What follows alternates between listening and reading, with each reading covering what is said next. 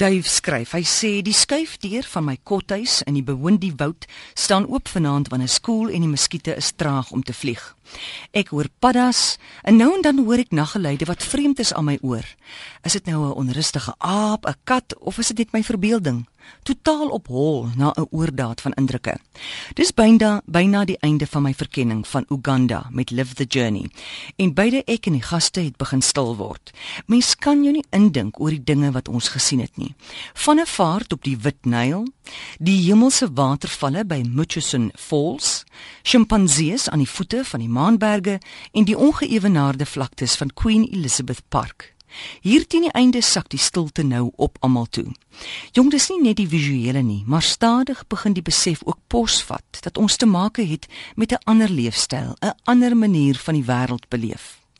Nou reg uit die staanspoor het die opmerkings gekom oor hoe vriendelik, vrygewig en innemend die mense hier is. Juiste meer indrukwekkend omdat hulle so min het.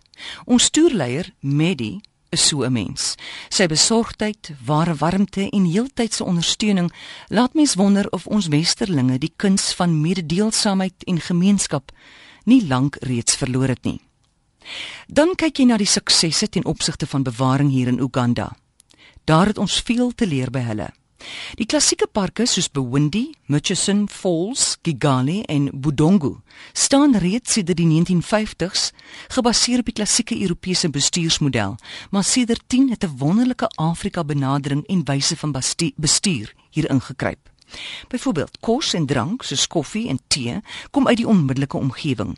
Jy eet vis uit die rivier en meer wat voor jou balkon lê. Die vrugte staan teen die pad en die vleis wy teen die grense. Nou natuurlik is daar whisky en gin en sardientjies vir ontbyt, maar die ruggraat van die spyse is plaaslik. Om die westerse luksus aan te bied as hoogstyl is 'n oordeelsfout. Gee my dan vele eerder inheemse en plaaslike eerlikheid. Ons mag nooit skaam wees vir een fout nie, want hier word gedeelde ondervinding 'n nagmaal. Nou 3 dae gelede het een van ons gaste op my aandrang nogal daardie tropiese hemelvrug jackfruit probeer. Want my eerste kennismaking met hierdie malse vrug was in Dar es Salaam toe 'n wêreldvreemde Indeer my genooi het vir 'n roomhuis by Slipway waar die Mzungus, dis nou die universiteit universele Afrika woord vir Europeërs uithang. Ek sal nooit die smaak vergeet nie erns tussen pineappel, litchi en grenadella. En dis juist hoekom ek dit met die gaste wou deel. Man, maar binne sekondes het sy 'n hewige reaksie getoon en 'n rou kol het teen die binnekant van haar lip uitgeslaan. Nou ken jy mos ons mense. Almal het hul buidels oopgemaak en die rate het ingestroom, maar niks wou help nie. Laatmiddag kon ek sien dat sy erge pyn het en ek en ons drywer gevra of ons 'n kliniek kon besoek. Na 5 kom ons eers die middag by Bwindi se piepklein hospitaaltjie aan. Maar ons is onseker en bang want dis mos nou Afrika.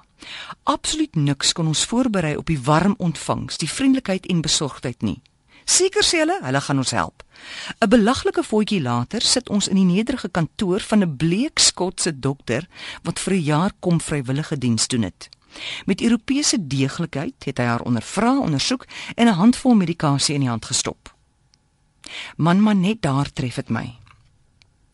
Ons berus ons so maklik op tegnologie, moderne wetenskap, westerse infrastruktuur en 'n manier van doen. Natuurlik werk dit goed want ons lewe op 'n hoë vlak. Ons kinders se tablette op skool, ons televisiekanale word van satelliete gekaats en ons arbeye word ingevlieg van Kenia. Maar daar is ook 'n ander manier van doen, een wat die eenvoud sentraal stel. Kom ons herinner onsself dat hierdie ander manier van omgang met die natuur en daarbey ook die mens 'n warm hart het. Gie my enige dag 'n hart, want saam met 'n hart kom daar deernis en hoop. Groete van deur tot deur. Dave Peppler